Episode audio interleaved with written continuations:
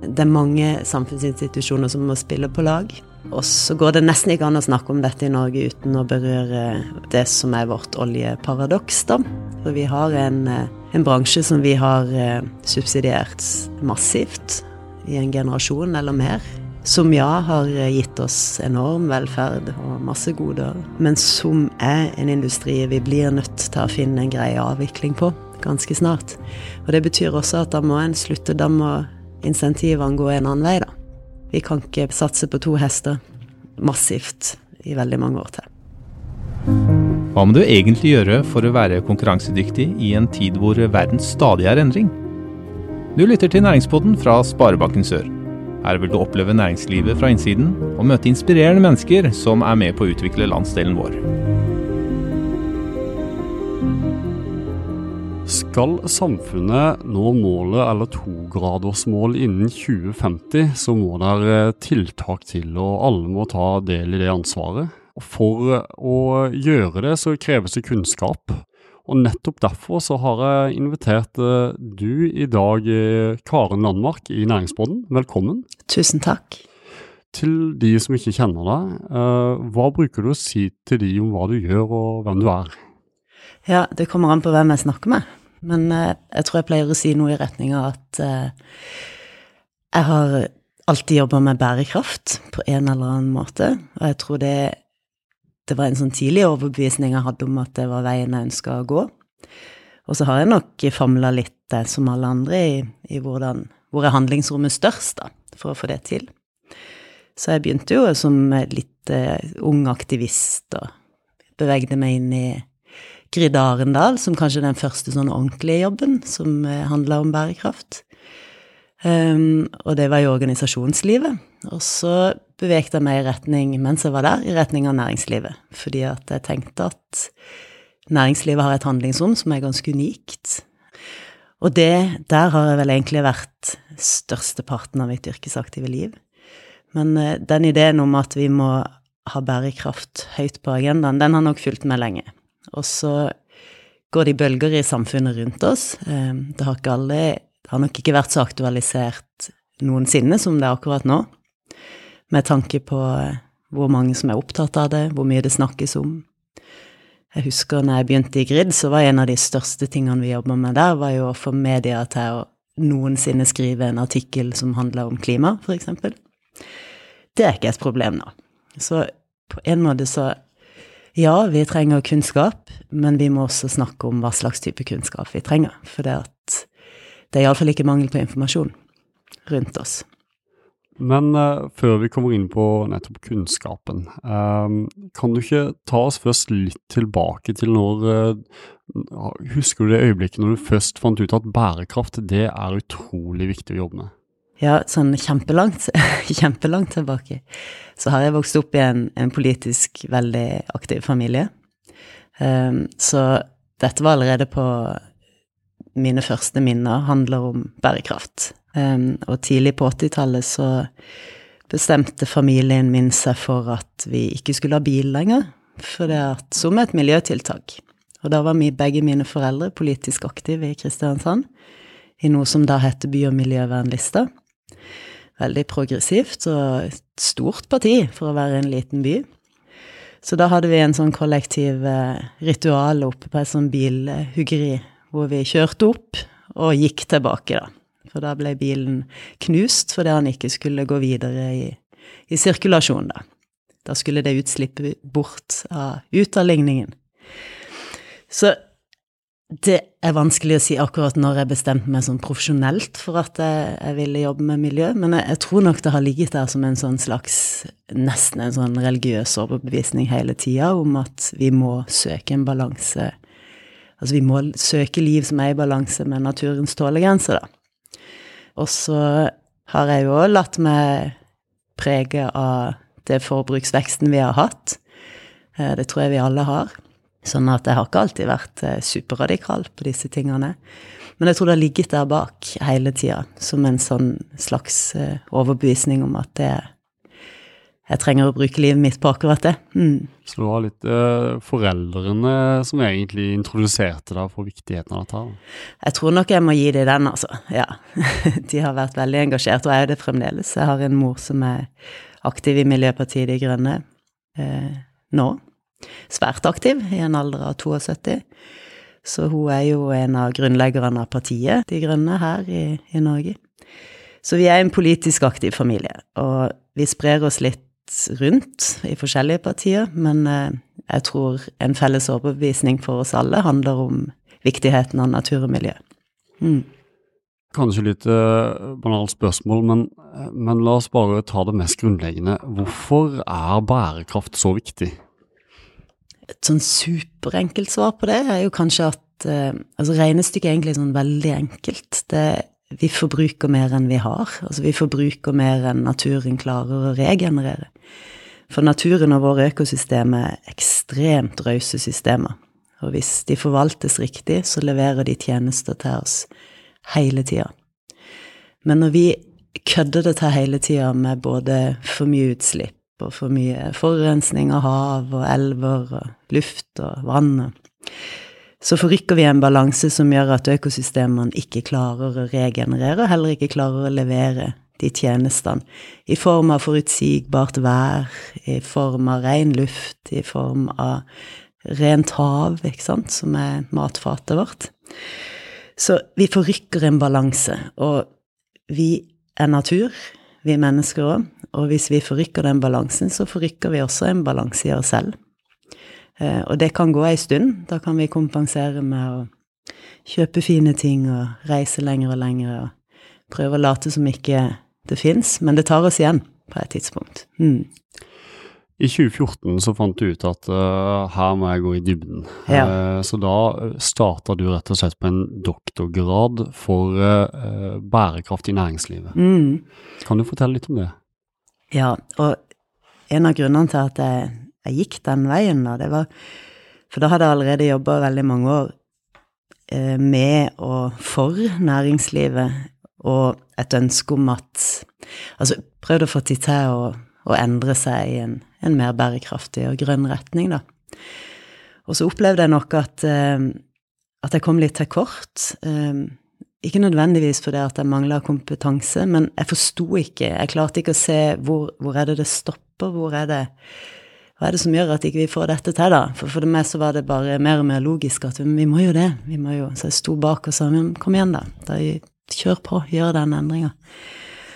Og så fikk jeg, ble jeg alltid møtt med disse her vanlige argumentene med at ja, men eh, du vet, bunnlinja, og vi, vi må levere, vi, det er kvartalsmessige rapporteringer, og vi må Det er noe som kommer først. Alltid.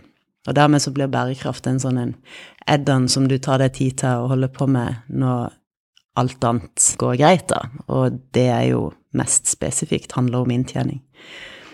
Dermed så tenkte jeg at ok, hvis jeg skal ha noe slagkraft i dette, så må jeg vite ordentlig hva jeg snakker om. Da må jeg kunne fortelle de at ja, men eh, likevel, da, selv om ikke det svarer seg økonomisk på kort sikt, så kan det svare seg på lang sikt. Og jeg måtte forstå mye mer av de bakenforliggende mekanismene som, som er, og som, ikke minst hva som påvirker næringslivet lokalt og regionalt og nasjonalt eh, overfor de endringene som vi opplever globalt. da. Hvordan disse store internasjonale avtalene påvirker oss. Hvordan de fysiske klimaendringene påvirker oss. Så alle disse tingene som handler om hva er det egentlig som dytter bedrifter i en retning, og hva er det som hindrer de i å ta de grepene som, som da noen av oss mener er de riktige grepene å ta. Da er vi inne på noe veldig interessant. for Kan du eh, i denne forskninga, da, kom det noen sånne aha-opplevelser for deg? Um, både ja, ja, absolutt. På, på veldig mange forskjellige plan. Det er jo som de sier med når du tar en doktorgrad, så blir du smertelig klar over alt du ikke vet noen ting om. ikke sant? Sånn at uh, det er jo en sånn evig kamp mot en sånn fallende selvtillit, etter et doktorgradsløp. Skulle tro det var omvendt, men det er ikke det. Jeg tror noen ganger når jeg tuller med det, så sier jeg at det eneste jeg kom frem til, er at det er komplisert. Det er sammensatt. Og det brukte jeg fire år av livet mitt på å komme frem til. Og så er det ikke hele sannheten. For det at underveis så så fikk jeg nok en, en mye dypere forståelse av, eh, av både egentlig det, det, menneskelige aspektet ved endring, ikke sant. Hva er det For det, det er utrolig mye god vilje hos oss alle, tror jeg. Det er veldig få av oss i dag Du har noen, men, men det har vi alltid. Noen som ikke vil endre seg, eller som nekter å innse at, det, at vi må det. Men de fleste av oss ser det, og de fleste av oss ønsker det, og ikke minst i møte med, med bedriftsledere, så treffer en jo på utrolig mye kloke folk. Utrolig god kompetanse. Så dermed så er det interessant å se, ikke sant, hva er det Altså, hva handler om lederskap, ikke sant? Hva handler om, om bedriftens handlingsrom?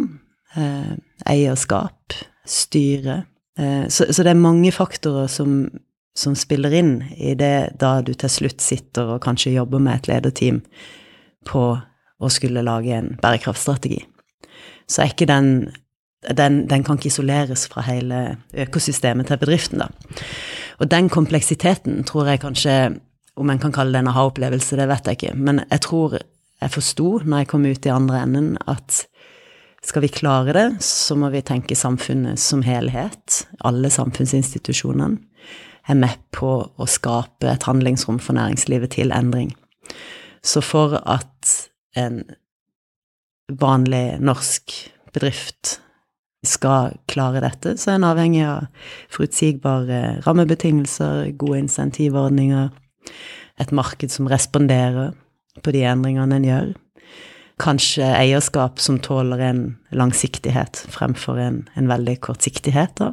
Som sier at ok, men da tjener vi ikke penger i år, men om fem år så gjør vi det. Eller om ett år gjør vi det. Så kanskje hvis jeg skal oppsummere, og det er jo alltid litt sånn skummelt etter en doktorgrad, men så tror jeg det, noe av det jeg satt igjen med, var en bedre forståelse av at ting er komplekst. Det betyr ikke at det er så komplisert, men det betyr at det er sammensatt. Og jeg har litt tro på at uh, Altså, da, da, må det en sånn slags samfunnsløft til for å gjøre dette. Eh, og så tror jeg en ting til som jeg ser, er at det er altfor viktig til å overlate til næringslivet som en slags frivillig øvelse, da. Som man velger eller ikke velger å, å gå i gang med. For det er ikke et valg vi lenger kan, kan ta det. Det blir tatt for oss. Eh, I, det ser vi rundt oss i hele verden. Så da gjelder det å rigge næringslivet for den verden som vi vet kommer nå, i mye større grad enn at, ja, at det handler om frivillighet. Den tida er over. Det var kanskje 80-tallet. 90-tallet. Ja. Men da er vi jo inne på noe interessant, for én uh, ting er ok, det er, det er komplekst, men, mm. men, hvordan gjør vi det? Ja, i praksis. Ja. Mm. Og det er jo litt sånn deilig med å bli litt sånn akademisk, da trenger du ikke å svare på det. Ja.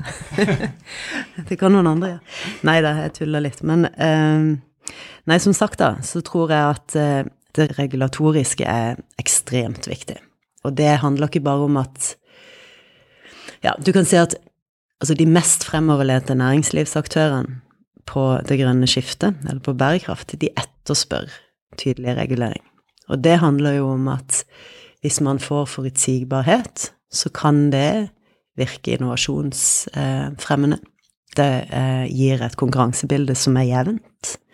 Så, så, det er logisk. Og vi er nok i en situasjon nå hvor vi har et politisk liv som henger litt etter, og så har vi et næringsliv som antageligvis vil mer enn det politiske liv. Jeg tror ikke det at ikke de forstår det, men, men jeg tror de har et større handlingsrom politisk enn de tror. Jeg tror at tilrettelegging for endring i næringslivet er ønska. Så i praksis, hvis en skal ta liksom makronivå, da, samfunnsnivå, i praksis så må vi ha gode reguleringer, vi må ha kanskje lovendringer, vi må ha insent kjempegode insentiver, og vi må ha en sånn slags næringslivs, nasjonal næringslivsstrategi, da. Og det har vi mange, i mange bransjer, ikke sant. Vi har disse her eh, såkalte veikartene som forskjellige bransjer har utvikla for å vise vei mot 2050, da, og et sånn nullutslippsmål. Så det er noe med på en måte ta i bruk alle disse her eh, signalene som næringslivet sjøl sender, og sier at det må på plass, så gjør vi den biten av jobben, og så får man en sånn slags eh, samfunnsendring til slutt, da. Kanskje det jeg prøver å si, er at eh, det er mange samfunnsinstitusjoner som må spille på lag. Og det begynner jo kanskje med kunnskap, at, som jeg kanskje tror vi, vi, har i stor grad. Veldig mange som vet, at, vet hvor vi skal, egentlig. Og så går det nesten ikke an å snakke om dette i Norge uten å berøre det som er vårt oljeparadoks, da. For vi har en, en bransje som vi har subsidiert massivt i en generasjon eller mer, fra 70-80-tallet. Som ja, har gitt oss enorm velferd og masse goder, og kompetente folk som jobber i, i, i den industrien også. Men som er en industri vi blir nødt til å finne en grei avvikling på ganske snart. Og det betyr også at da må en slutte, da må insentivene gå en annen vei, da. Vi kan ikke på en måte eh, satse på to hester massivt i, i veldig mange år til, tror jeg. Det må vi snakke om, ja. Du, eh, tilbake, Nå er jo dette noen år siden eh, du gjorde denne forskninga her, eh, Karen. Men kan du fortelle meg litt om eh, veien ditt? Hva opplevde, du, hva opplevde du som mest utfordrende i forskningsprosessen? Jeg tror kanskje det mest utfordrende for meg var litt sånn eh, eh, at jeg måtte Jeg måtte tenke meg litt om, for jeg gikk, jeg, gikk, nok inn i det med en med en litt sånn cockiness, da. At jeg tenkte at eh, nå, handler dette bare om at jeg skal få enda bedre argumenter for å si akkurat det som jeg egentlig alltid har sagt, da. Eh, og det var en, en, sånn massiv tro på at næringslivet måtte bare på en måte kjenne sin besøkelsestid og gå i gang med endringer så fort som mulig, og vi hadde ikke tid å miste, og ikke sant. En litt sånn eh, tøff i trynet-argumentasjon. Så jeg tror kanskje at jeg ble litt sånn mer ydmyk underveis, da. For det at eh, Nettopp for det jeg snakka om litt tidligere, at eh, jeg ble veldig klar over eh, det landskapet som næringslivet inngår i, da.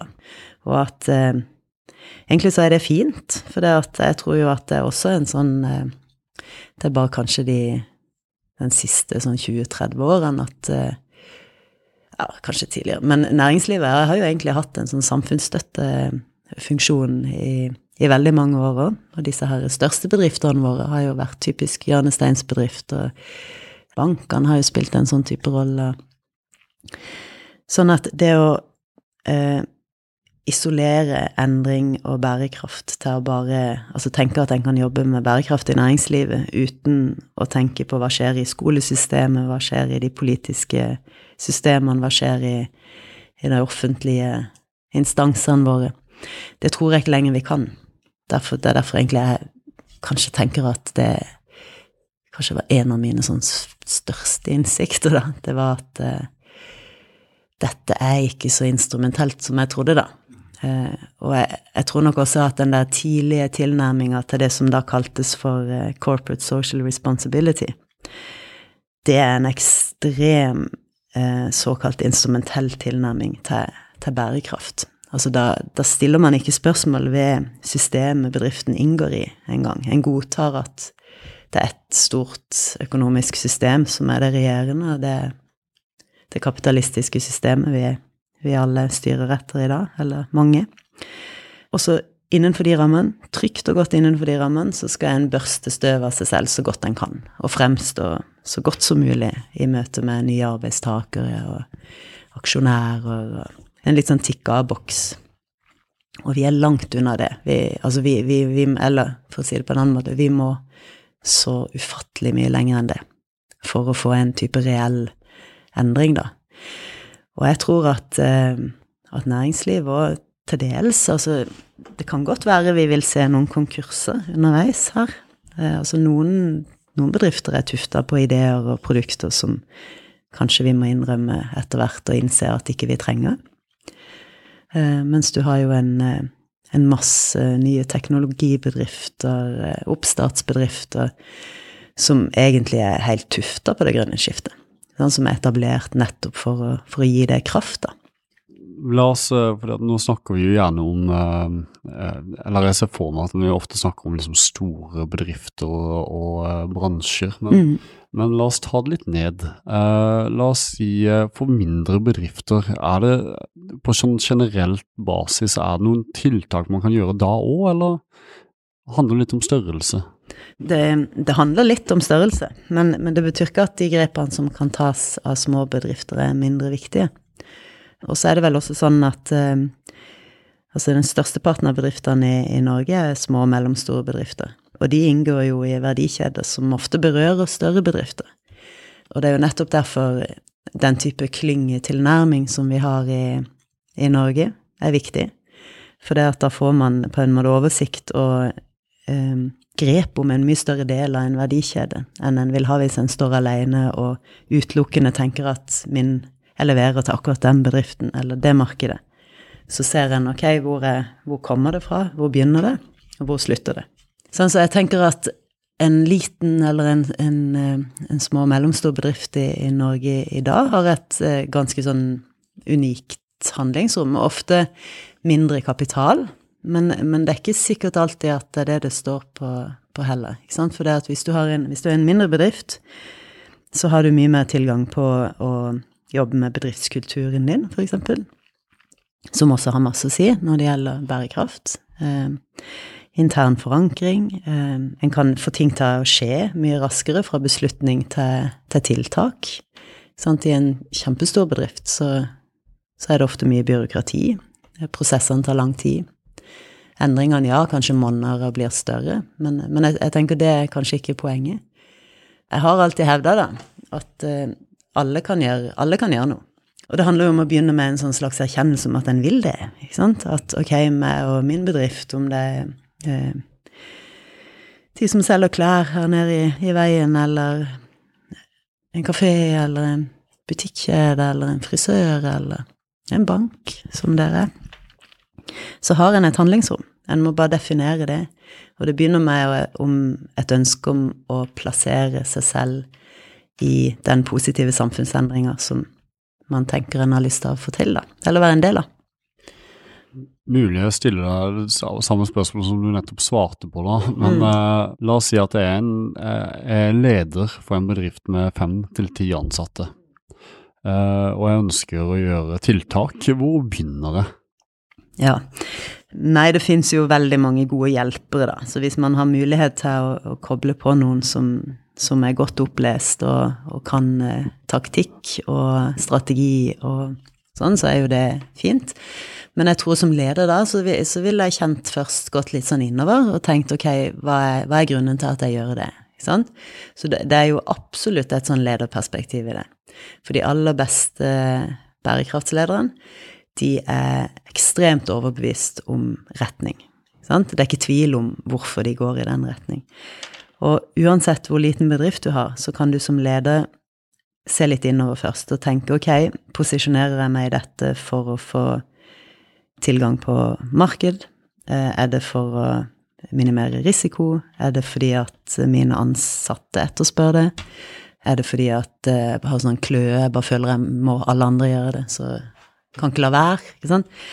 Så er det noe med å gjøre litt sånn opp status. Hva er, hva er posisjonen vår? ikke sant?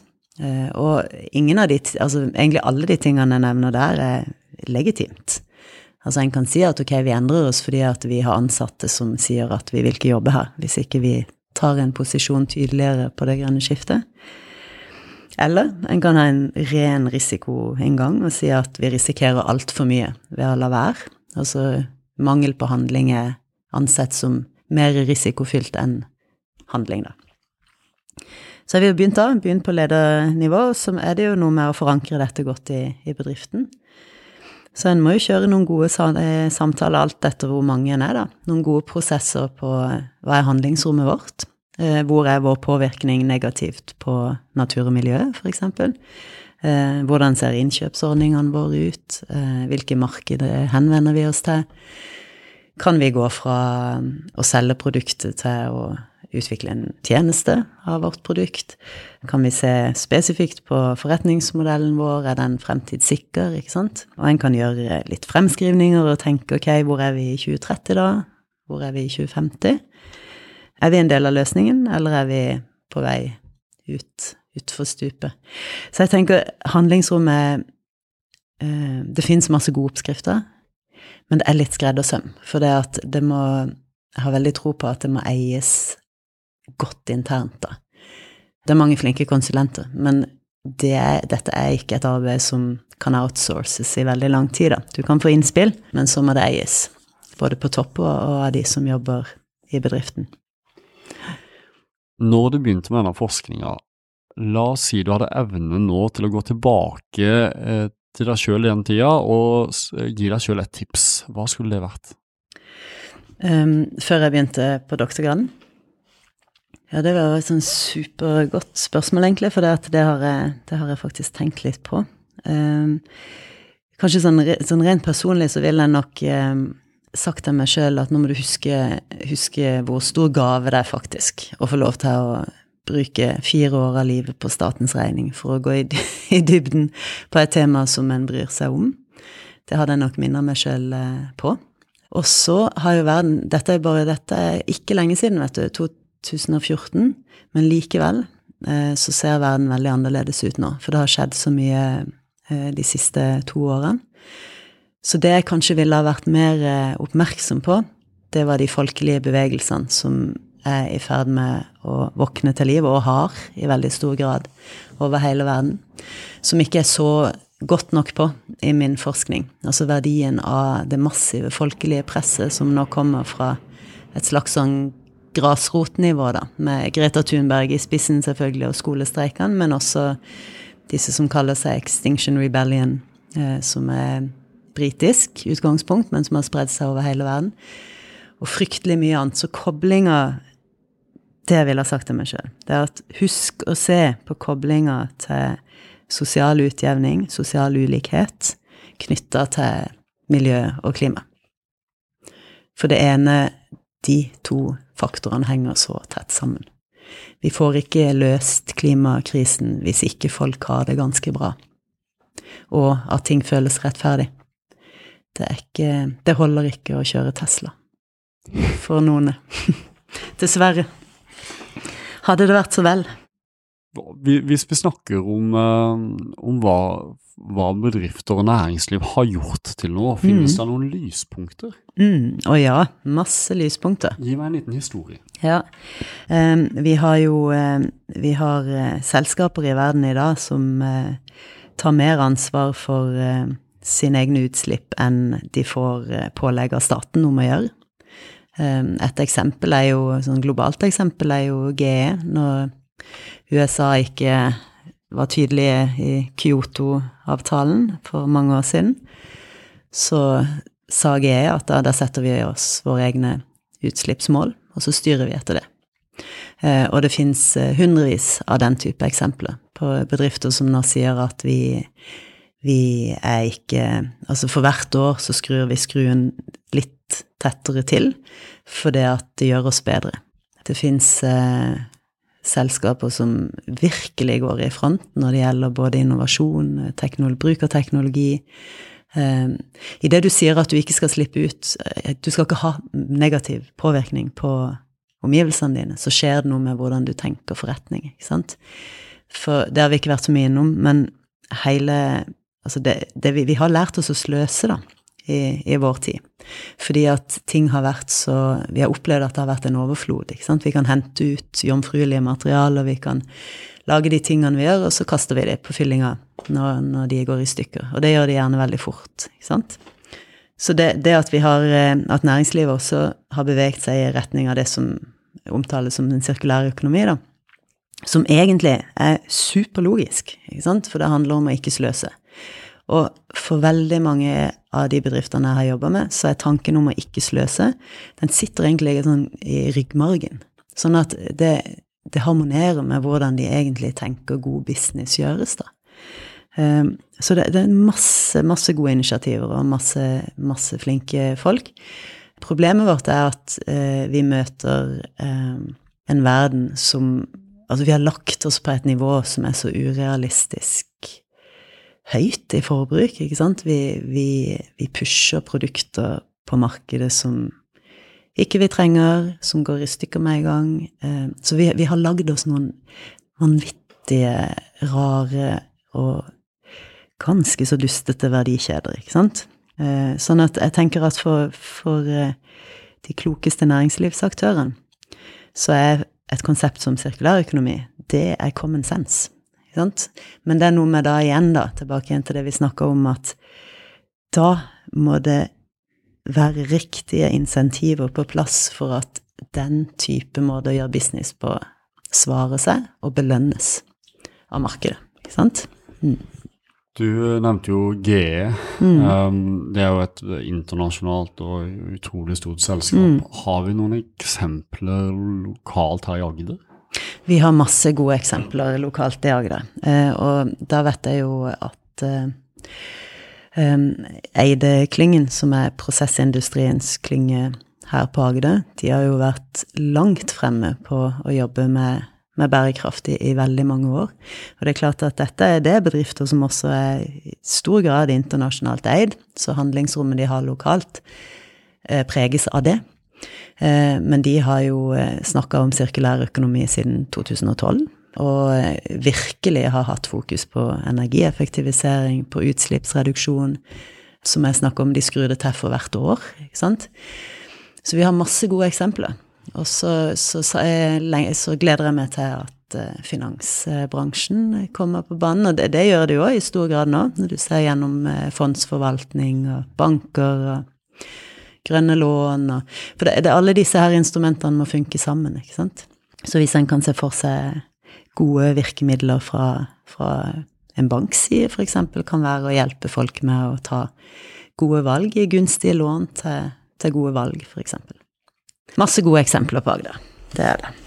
Karen, jeg er litt spent. Eh, hvis vi, eh, Nå har vi snakka om hva som har skjedd, og mm. vi snakker litt om hva som skjer. Men mm. hvis du ser fremover, da er jeg veldig spent på du med den innsikten og bakgrunnen du har. Mm. Er du pessimistisk eller optimistisk for fremtida? Ja, det er jo så godt spørsmål. Og så tenker jeg at um, det er kanskje det verste med å vite så mye om akkurat dette feltet, det er at det er litt vanskelig å være optimistisk. Mm.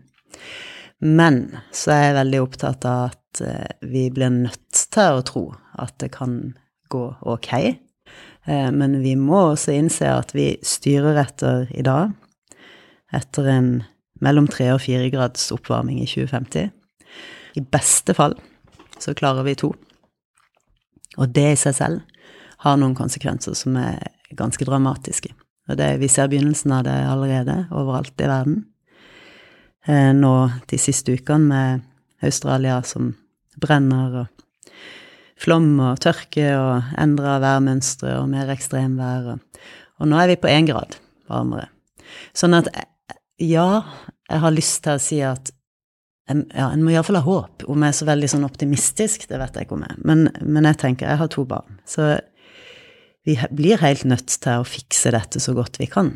Eh, og så tenker jeg nå har vi en litt sånn window of opportunity de neste årene til å begrense de negative konsekvensene av livsstilen vår de siste 50 årene så godt vi kan.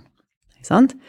Og det kan bli en, en, verden som er helt levelig. Det vil bli en verden som ser litt annerledes ut enn, enn den vi kjente når vi vokste opp. Og iallfall hvis en går enda litt Eh, lenger tilbake.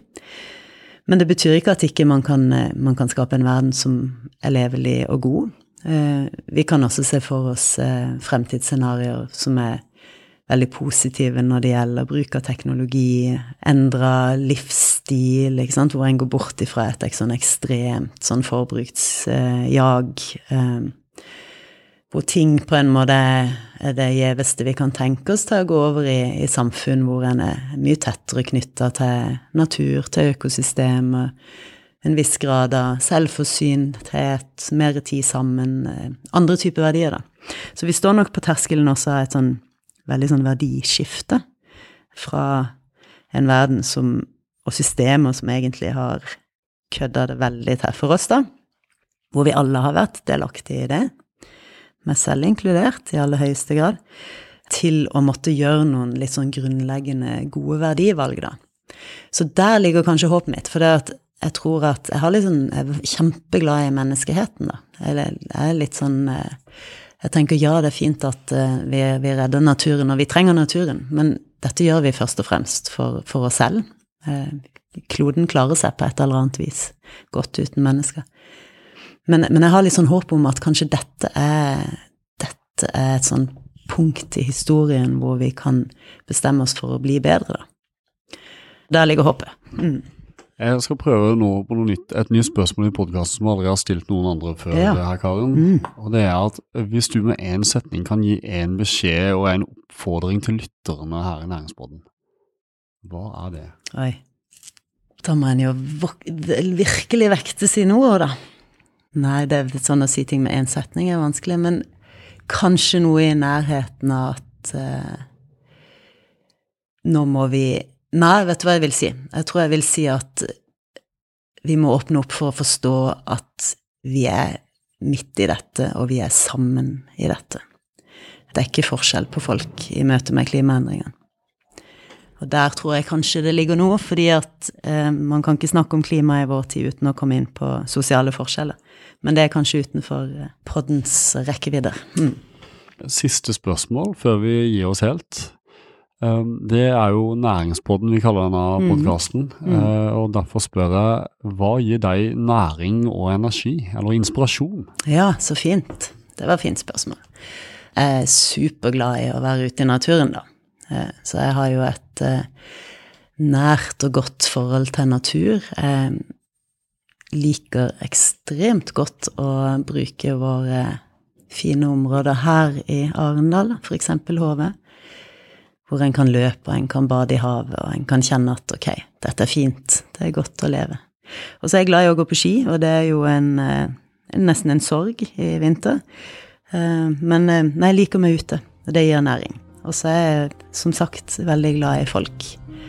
Liker gode samtaler, og liker å bare være. Mm. Så bra. Du, eh, Karen, jeg vil bare takke deg for en utrolig eh, interessant samtale, som i hvert fall jeg har lært mye av. Tusen takk for at jeg fikk lov til å snakke om alt dette jeg bryr meg om, da. Du lyttet nettopp til Næringspodden av Sparebanken Sør. For flere episoder, gå inn på sor.no slash podden. Her kan du gi ris eller ros, samt tips til andre næringsdrivende vi bør intervjue.